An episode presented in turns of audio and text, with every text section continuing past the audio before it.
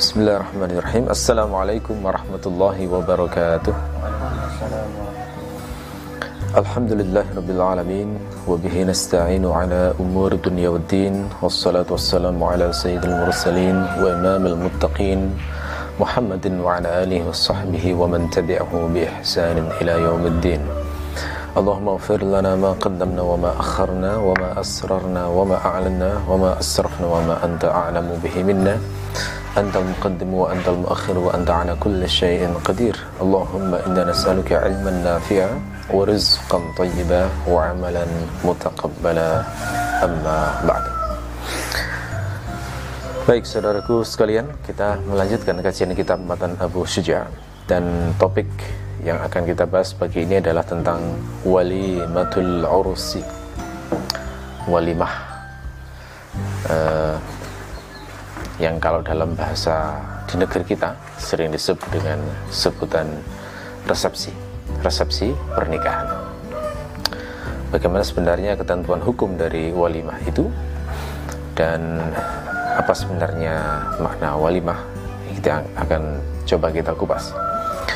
Wal walimatu 'alal ursi mustahabbah. Walimah untuk pernikahan itu hukumnya sunnah atau dianjurkan. Walimah sendiri itu makna aslinya adalah makanan. Jadi kita mengatakan ayo datang ke walimah. Itu mana bahasanya ayo datang ke makanan. Sebenarnya begitu. Nah ursi al-urus itu maknanya adalah nikah. Nikah atau zifaf gitu ya. Jadi walimatul ursi itu maknanya adalah makanan untuk konteks pernikahan. Jadi acara utama walimatul ursi itu makan sebenarnya. Makan. E, makan untuk apa? Makan e, yang di acara makan-makan yang diselenggarakan oleh orang yang baru saja melakukan akad nikah dalam rangka bersyukur kepada Allah sekaligus untuk mengumumkan pernikahan tersebut. Ya. E, jadi konteksnya itu adalah syukur sebenarnya di antara fungsi sosialnya gitu ya kalau bahasa orang akademisi sekarang. Walimatul ursi itu fungsi sosialnya memberikan pengumuman sekaligus bersyukur ketika seseorang mendapatkan nikmat pernikahan. Kalau orang menikah dalam Islam, supaya dia itu tidak menimbulkan fitnah di tengah masyarakat itu kan e, disyaratkan ada saksi dalam akadnya itu. Ada saksi. Dengan adanya saksi ini kalau misalnya orang yang menikah itu di tengah jalan bersama-sama bergandengan lalu kemudian ada yang menuduh dia uh, adalah pasangan yang tidak halal maka dua saksi ini akan tampil sebagai pembela bahwa dua orang ini sudah menikah. Nah hanya saja dua saksi ini itu masih berpeluang untuk menimbulkan buruk sangka ketika dua saksi ini kasusnya misalnya jauh dari masyarakat tempat dia tinggal misalnya. Sehingga tidak tidak lekas uh, dipercaya bahwa seseorang itu uh, sudah menikah. Jadi misalnya menikahnya di kota A sementara aslinya dia berada di kota B. Dia menikah di kota A dengan saksi orang adil di kota A. Lalu dia pulang ke kota B. Orang-orang di masyarakat situ tidak tahu kalau dia menikah. Begitu berduaan dengan perempuan yang nah, bukan kerabatnya maka itu bisa menimbulkan tuduhan-tuduhan yang tidak perlu.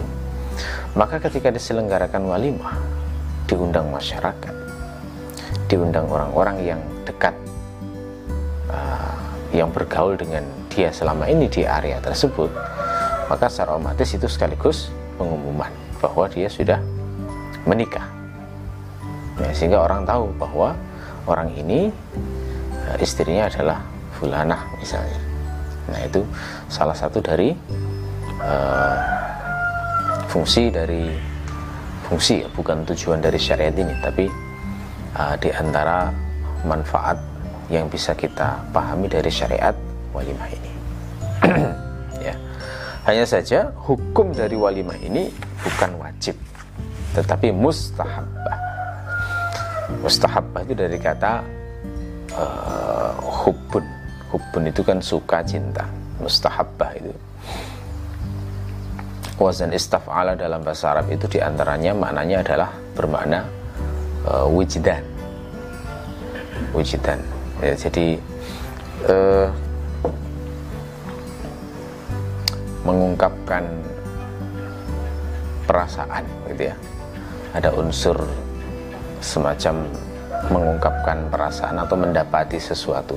Seperti kata istasghara itu maknanya adalah wajadahu saghiran mendapati kecil. Jadi istasghara menganggap kecil itu maksudnya wajadahu saghiran. Istakbara uh, ista'zama misalnya. Itu maknanya wajadahu aziman me mendapatinya besar. Ya istahabba itu bisa dimaknai wajadahu mahbuban ya, jadi me menyukainya gitu ya. Jadi dari, dari kata istahabba menyukai berarti mustahab ini isim maf'ulnya yang disukai. Jadi sesuatu yang disukai. Ini adalah lafat lain dalam mazhab syafi'i untuk uh, istilah sunnah. Jadi istilah sunnah dalam mazhab syafi'i itu macam-macam. Dan semuanya maknanya sama. Uh, kadang memakai lafat sunnah kadang memakai lafat mustahab kadang memakai lafat mandub kadang memakai lafat fadilah kadang memakai lafat uh, hasan ya. kadang menyebutnya murakhab fihi kadang disebut rohibah jadi banyak istilah-istilah sunnah itu. Semuanya maknanya sama. Yakni perbuatan yang uh, diperintahkan tetapi perintahnya tidak bersifat jazim tidak bersifat keras. Ada apa itu namanya janji mendapatkan pahala kalau melakukannya tetapi tidak ada ancaman iqab tidak ada ancaman dosa ketika meninggalkannya.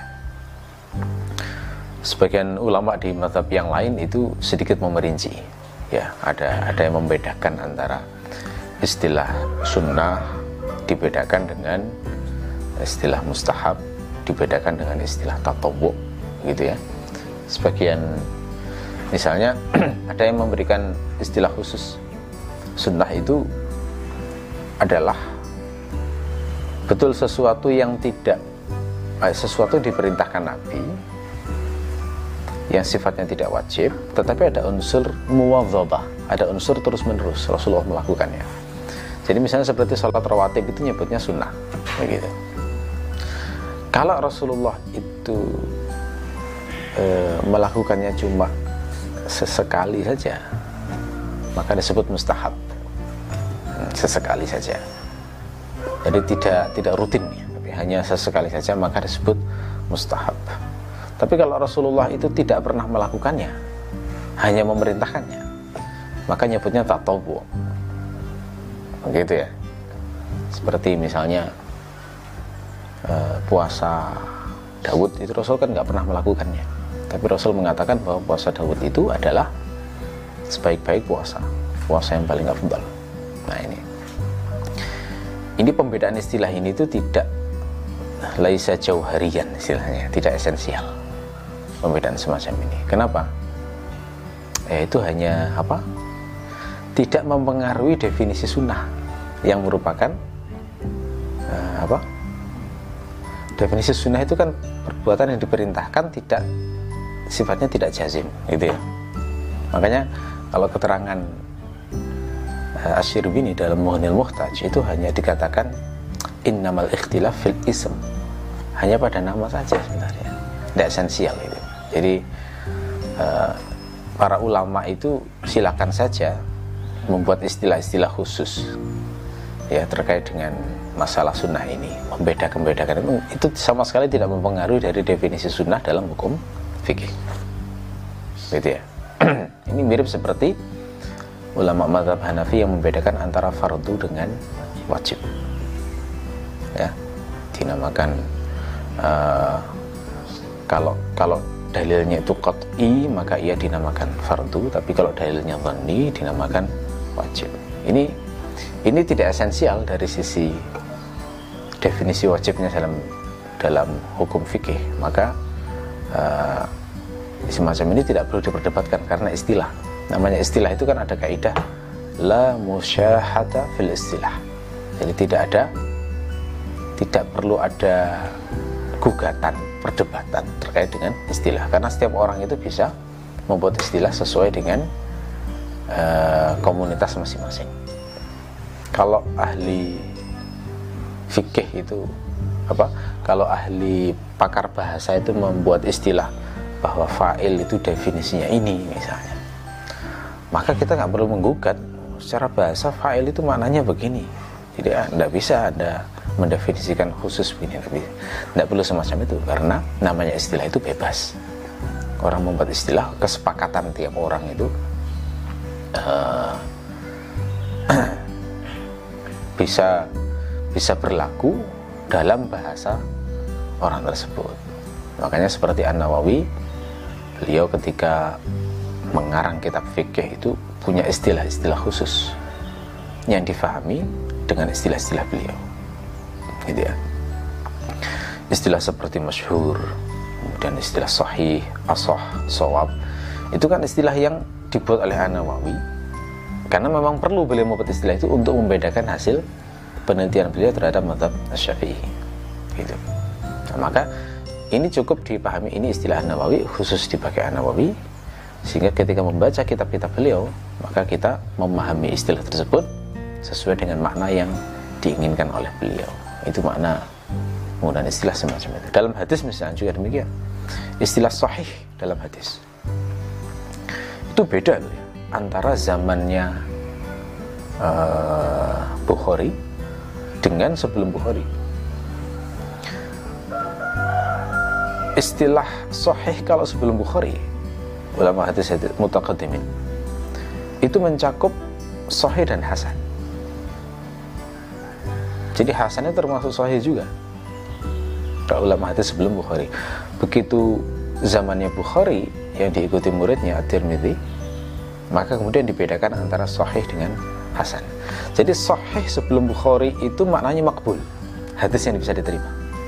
Tanpa membedakan apakah jenisnya sahih atau hasan. Tapi di zaman Bukhari yang diikuti At-Tirmidzi itu istilah sahih itu e, dikhususkan pada perawi yang kualitas apa dikhususkan pada hadis yang yang melengkapi lima syarat kesohihan hadis itu e, dengan kualitas yang tinggi paling prima sementara untuk yang di bawah itu kalau ada perawinya yang kurang tobit maka jatuhnya adalah hadisnya hasan jadi dibedakan itu. Itu di zamannya Bukhari. Nah, ini kan istilah. Ya. Artinya istilah ini apa gunanya?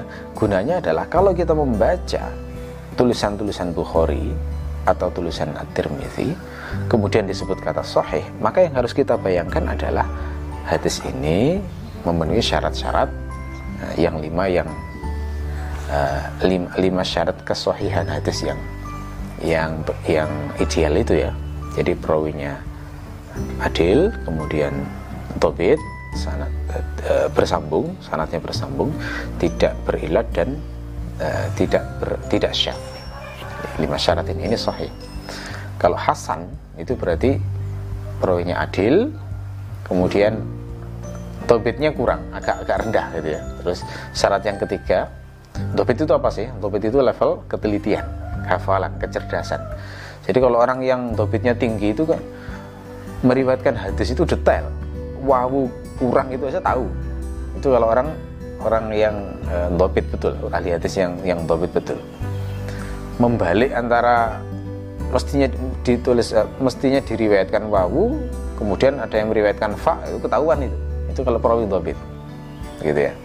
Nah, kalau ada perawi yang kurang dobit, tapi dia jujur, dia adil, maka status hadisnya itu hasan bukan sahih nah kalau kita membaca kata Hasan atau Sahih di kitab-kitab Bukhari atau ulama sesudah itu maka kita pahami uh, itu dengan istilah yang dipakai oleh Bukhari dan At-Tirmidzi itu. Tapi kalau misalnya istilah itu kata Sahih itu dipakai untuk ahli hadis sebelum Bukhari ya zamannya sezaman Imam Malik misalnya itu kan di atasnya Bukhari misalnya. Kalau disebut sahih maka itu maknanya adalah uh, apa makbul. Jadi mencakup yang yang sahih maupun yang hasan nah inilah yang harus kita pahami ketika kita membaca pernyataan An-Nawawi misalnya dalam Riyadus Solihin di pembukaan Riyadus Solihin itu Imam An-Nawawi kan mengatakan begini saya uh, mengumpulkan hadis-hadis secara ringkas dalam kitab ini dan saya tidak memasukkan kecuali hadis sahih saja. Nah, ini maknanya apa? Nawawi mengatakan begini. Ini maknanya kata para pensyarahnya. Ini maksud sahih yang dikatakan An Nawawi di sini adalah sahih dalam definisi ulama-ulama mutakaddimin, ahli hadis mutakaddimin. Berarti An Nawawi memaksudkan dalam Riyadus Solihin itu nanti akan ada hadis sahih menurut definisi Bukhari dan definisi apa hadis Hasan juga.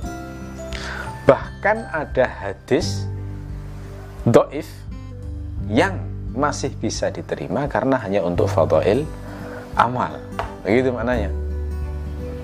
Karena maknanya makbul. Kata-kata sahih itu maksudnya adalah makbul. Makanya tidak heran ketika An-Nasiruddin Al-Albani meneliti kembali Riyadus Salihin, beliau menemukan ada 40 hadis doif dalam Riyadus Salihin. Itu tidak tidak perlu diherankan.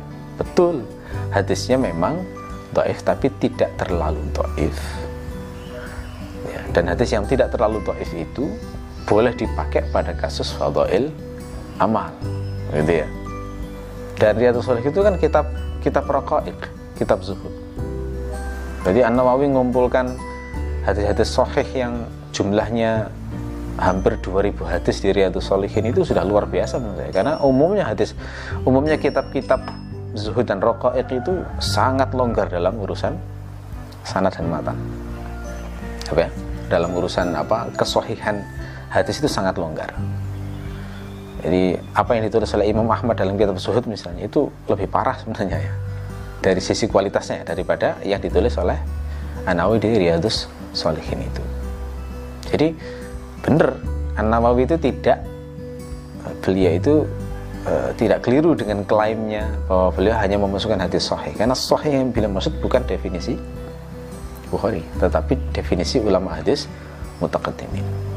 Jadi adanya hadis yang sedikit doif dalam uh, kitabnya Riyadus Solihin itu tidak menjadi cacat sama sekali dalam Riyadus Solihin karena itu hanyalah uh, hanya digunakan untuk foto ilham jumlahnya kan hanya sekitar 40 kalau menurut Al-Albani ya.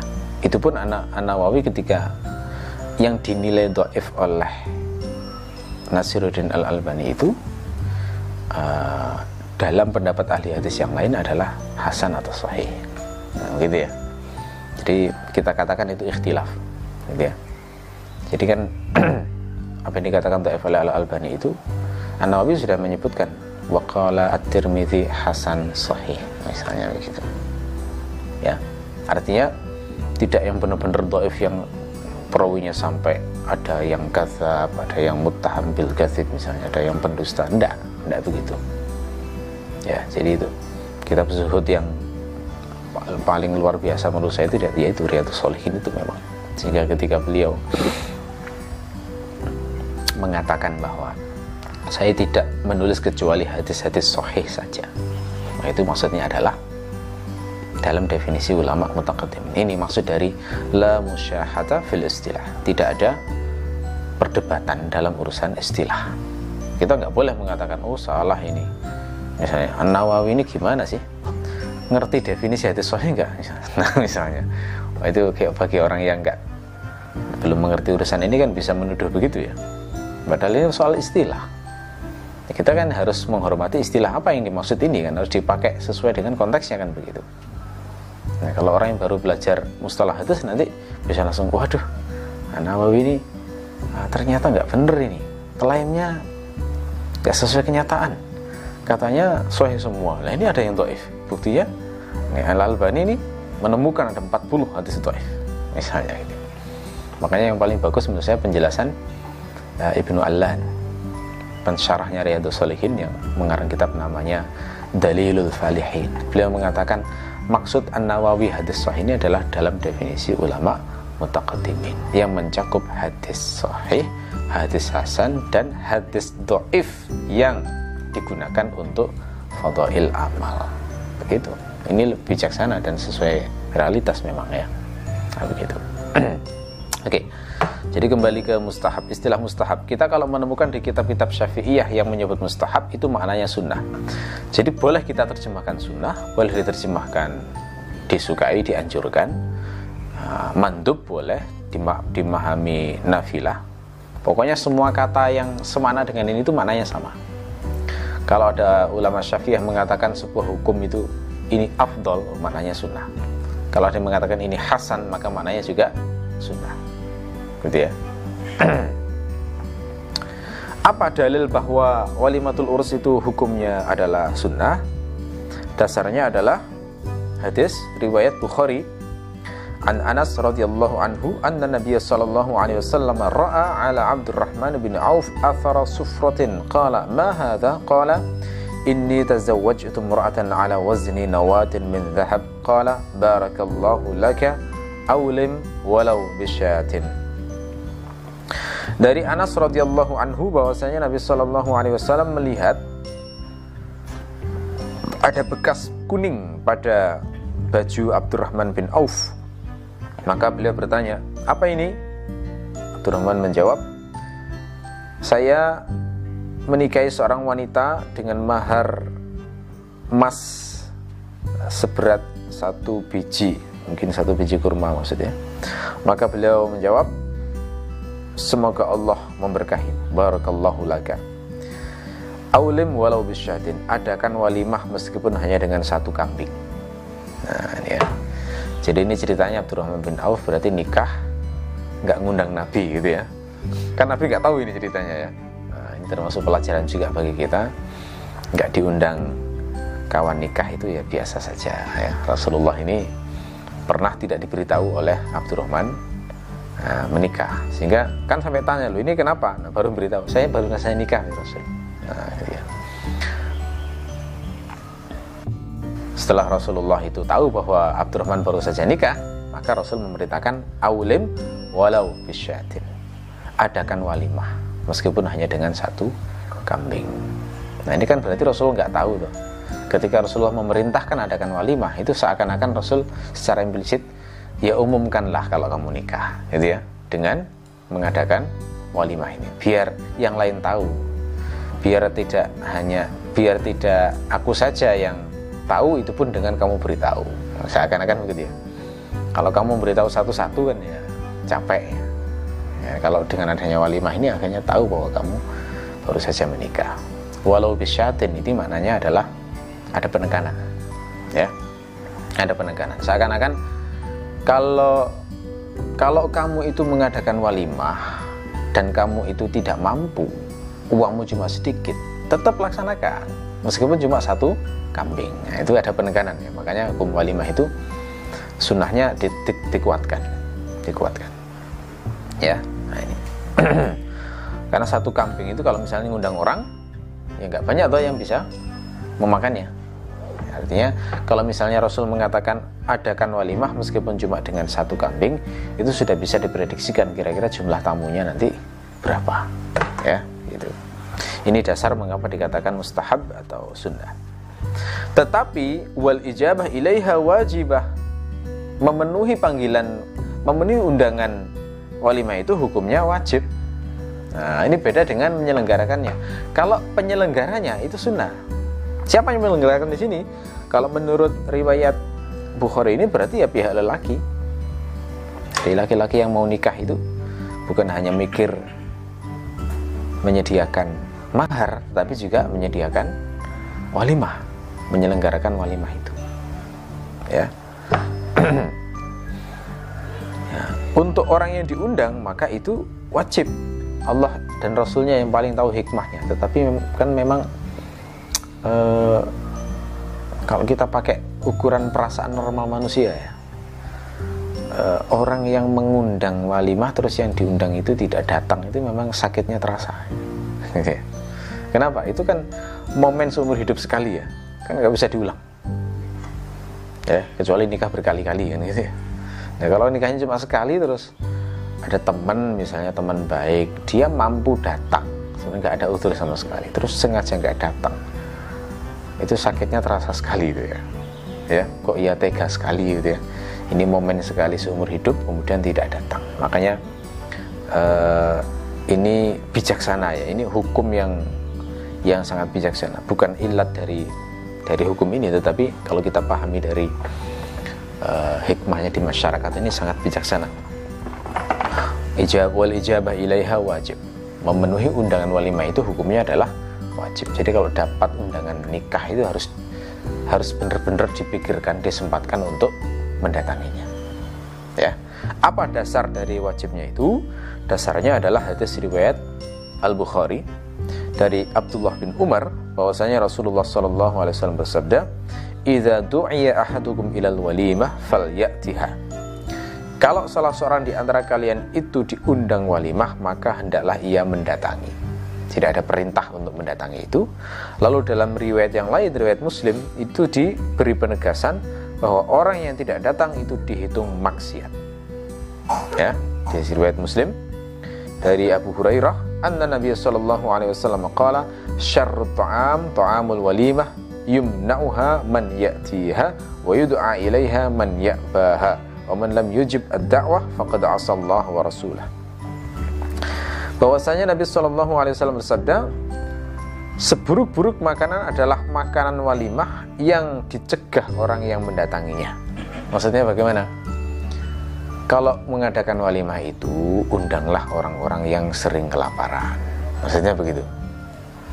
Jangan ngundang orang-orang yang yang kaya yang justru ketika diundang itu makanan dibuang-buang. Nah itu termasuk kalau kalau ada acara walimah yang diundang hanya orang-orang yang justru malah tidak memanfaatkan makanan itu itu disebut Nabi dengan syarrut ta'am makanan yang paling buruk ya, makanan itu kan ada sebuah nikmat digunakan untuk dimakan, disyukuri dengan cara di, dikonsumsi. Maka kalau mengadakan acara walimah, utamakan mengundang orang-orang yang memang e, membutuhkan. Orang-orang miskin, orang-orang lapar yang pokoknya yang kalau lihat makanan seneng, nah itu itu yang harus diprioritaskan. Kalau orang-orang yang sudah biasa dengan makanan dan bahkan sering membuang-buang makanan itu malah prioritas kesekian gitu. Ya, gitu. Makanya kata-kata Nabi begitu. Seburuk-buruk makanan adalah makanan walimah. Ini jangan dipotong di sini. Kalau dipotong di sini nantinya, waduh, makanan walimah ini seburuk-buruk makanan ini. Ini masih ada sifatnya. Yumna'uha man ya'tiha. Yang dicegah orang yang mendatanginya. Jadi yang mau mendatangi walimah itu kan yang senang makanan kan orang-orang fakir miskin ya orang yang butuh itu. Nah itu kalau dicegah malah malah tidak tidak boleh datang atau tidak diundang itu malah disebut Nabi sebagai syarut seburuk-buruk makanan. Ya. Kemudian Nabi mengatakan wa yud'a ilaiha dan yang diundang justru adalah orang yang menolak makanan tersebut. Nah ini orang-orang yang ya tadi yang sudah sudah biasa dengan makanan mewah ya, lalu kemudian mendapatkan hidangan yang tidak terlalu suka. Ya nah ini. juga sekaligus secara implisit ajaran kepada kita kalau membuat makanan untuk orang itu juga dipertimbangkan selera yang datang itu kira-kira bagaimana? Pakai uruf setempat betul ya. Karena makanan yang biasa dihidangkan di Sumatera Barat itu kan beda dengan yang dihidangkan di Blitar misalnya. Nah itu bisa mempengaruhi itu. Selera orang bisa mempengaruhi. Kalau orang nggak terbiasa sebuah makanan nggak dimakan itu nanti. Meskipun menurut orang tersebut enak gitu ya. Nah, saya agak heran di negeri ini tuh. Negeri ini itu kebanyakan diketahui lah sukunya bagaimana. Tapi kalau buat acara itu kok kadang-kadang seringnya itu pakai model-model makanan Eropa gitu ya. gitu ya. Kalau buat acara di hotel-hotel itu sering kali model-model model makanan-makanan gitu. Saya sendiri kalau ketemu makanan gitu itu ada nggak bisa masuk itu ya. Model-model makanan berlendir itu ya. Itu kan. Ini ini kurang bijaksana buat acara yang tidak mempertimbangkan selera makan dari orang yang diundang ini begitu ya. Tapi mungkin kalau ini subjektif ya ini perasaan saya. Gitu ya perasaan saya. Cuma pesan utamanya adalah eh, ketika mengundang seseorang itu di acara walimah misalnya ya itu harus dipertimbangkan selera orang tersebut. Uruf tradisinya itu seperti apa. Biar habis makanannya. Jangan sampai buang. Jangan pakai uh, mempertimbangkan uh, apa ya karena kekayaannya lalu kemudian dia menunjukkan kemewahan makanan yang aneh-aneh gitu. kemudian orang yang mau makan itu jadi ragu ini dimakan apa enggak ya? Ternyata setelah dicoba ini nggak cocok buang akhirnya. Itu malah uh, tidak islami yang semacam itu. Terus Nabi mengatakan waman walam waman lam yujib ad-da'wah faqad asallah wa rasulah barang siapa yang tidak memenuhi undangan walimah itu maka dia telah bermaksiat kepada Allah dan Rasulnya. Dia telah membangkang kepada Allah dan Rasulnya. Jadi kata-kata maksiat ini korinah yang sangat jelas bahwa memenuhi undangan itu hukumnya wajib. Ya. Nah. tapi ada pengecualian illa min uzrin kecuali ada uzur. Nah jadi kalau ada uzur ya jadi gugur kewajiban. Ya, apa uzur itu? Banyak misalnya sakit ya kan nggak mungkin ya kalau sakit datang itu nanti akan menimbulkan doror wong orang puasa Ramadan aja boleh tidak puasa. Ya padahal itu adalah rukun Islam. Apalagi sekedar walimah kalau sakit ya tidak masalah. Atau dia jauh di kota di tempat yang sangat jauh yang tidak mungkin untuk atau susah datang ke tempat walimah tersebut atau menimbulkan masyakoh berat ketika datang dia harus keluar biaya yang sangat banyak. Sementara prioritas uangnya bukan untuk itu. Nah, maka itu juga termasuk uzur tidak masalah semacam itu. Atau seorang istri misalnya uh, dia diundang walimah tapi dipesani suami tidak boleh keluar rumah sebelum suami pulang misalnya. Nah maka wajib pada suami harus diutamakan. Gitu ya. Termasuk juga uzur misalnya acara walimahnya itu adalah berisi kemaksiatan ya. Jadi yang dihidangkan adalah homer misalnya. Ya semacam ini mengandung termasuk yang dikatakan uzur di syarah-syarahnya matan Abu Suja ya. Sehingga orang bisa tidak hadir kalau misalnya walimahnya di situ uh, mengandung kemaksiatan. Gitu ya? Oke. okay.